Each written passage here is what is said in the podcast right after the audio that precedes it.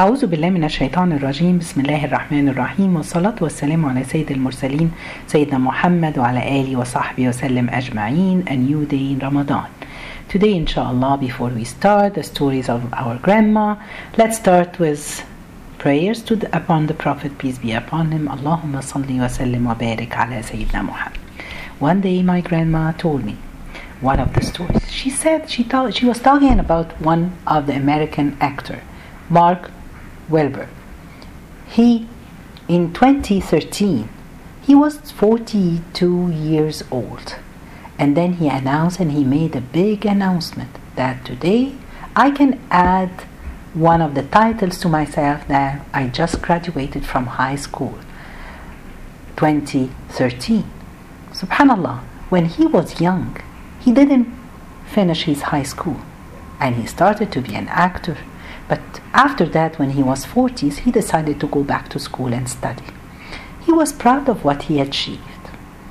Another, on the other hand, she told me a story of one of the actress, British actress, Emma Watson. She said that she had a very nice thing that she used to do. Wherever she goes, to a train station, to a public places, always she has books and she hide the books somewhere where she visits and inside the books she writes a note telling for the people the person who will get this book who will find it that uh, i'm happy to give you this book and i wish this is not going to be the last book that you will read. She wanted to encourage people to read. Subhanallah. This is the message of my grandma or the message she wanted to tell us all is that it doesn't matter from where you're taking the good things from the West or from the East. A lot of things that the West have, nice habits. Why don't you take the good from them? And we have good other habits too. So why are we just always copying the West without seeing the good thing? Does it make sense? Is it useful to me or not? Will it go with my culture or not? It's okay to take from other people, from different culture, from different religion. It doesn't matter. But take the good things and apply it in your life. Subhanallah. Nowadays, recently, we find a lot of us. We even we don't teach our kids their Arabic language. We teach we speak to them English. Why? We, we, we want to be like the West, speaking English. It's good to teach your kids English, but no, don't let them forget about their mother tongue. The Prophet, peace be upon him, at the beginning of the da'wah, the revelation of the Quran, he sent the, some of the Muslims to uh, uh, Habasha, and he told them there is a king there who will never oppress people.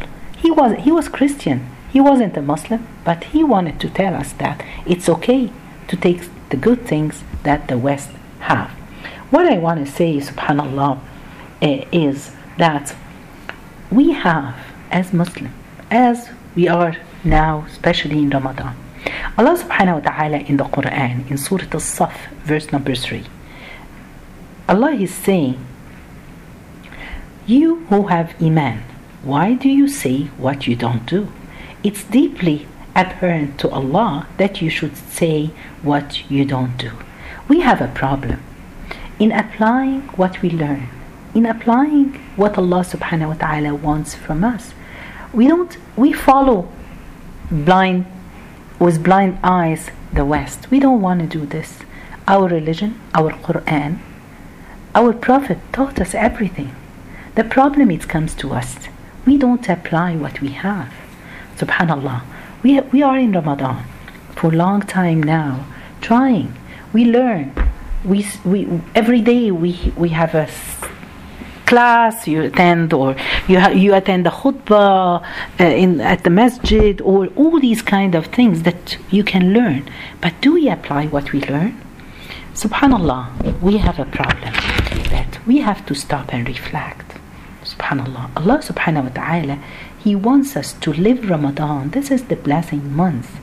We, if we look at the companions the companion they use when allah, Allah subhanahu wa ta'ala he said aqimu salah subhanallah so they know that that the prayer is prevent you from doing the bad things so i I cannot claim that I'm praying right if I don't, I, I still cheat or I still lie or uh, I'm uh, spying on other people on social media. All these can. So the praying, it didn't prevent me from doing that. The message of today is we need to apply what we learn. Exactly the difference between us and the companions and the Sahaba. What did they do? Imagine they, that we have a triangle with three things in each angle. The first angle it has sincerity, ikhlas. The second angle it has amal, which is the work that you do. And the third one, it has the knowledge. So we need to live, if you need to have a great Ramadan, the right and true Ramadan that Allah will forgive you, you need three of those. You have to be sincere in all what you learn and all what you do. You have to learn first and you apply what you learn. This is exactly what we need to do. If we look at Zayd ibn Thabit, he won one of the companions. He was 13 years old and he wanted to attend the battle of Badr, but he was young, so the Prophet didn't allow him. But he felt so bad. He wants to do something. So he, he was very smart, knowledgeable. He memorized uh, 17 surah of the Book of Allah. Uh, uh, he was young. So his mom, she took him to the Prophet and she told him he's smart and he memorized Quran and he, he can do a lot, he can read and write. So please use him. So the Prophet tested him and he used him. And he asked him to go and learn uh, uh, Hebrew. So he can he went and in a very short time he learned. Subhanallah. So learning it's what made Zayd ibn Thabit when he was 23 years old, after the Prophet, peace be upon him, he passed away, Abu Bakr assigned him to collect the Quran. What made him reach this level is the knowledge. So we need to seek knowledge. Knowledge in everything.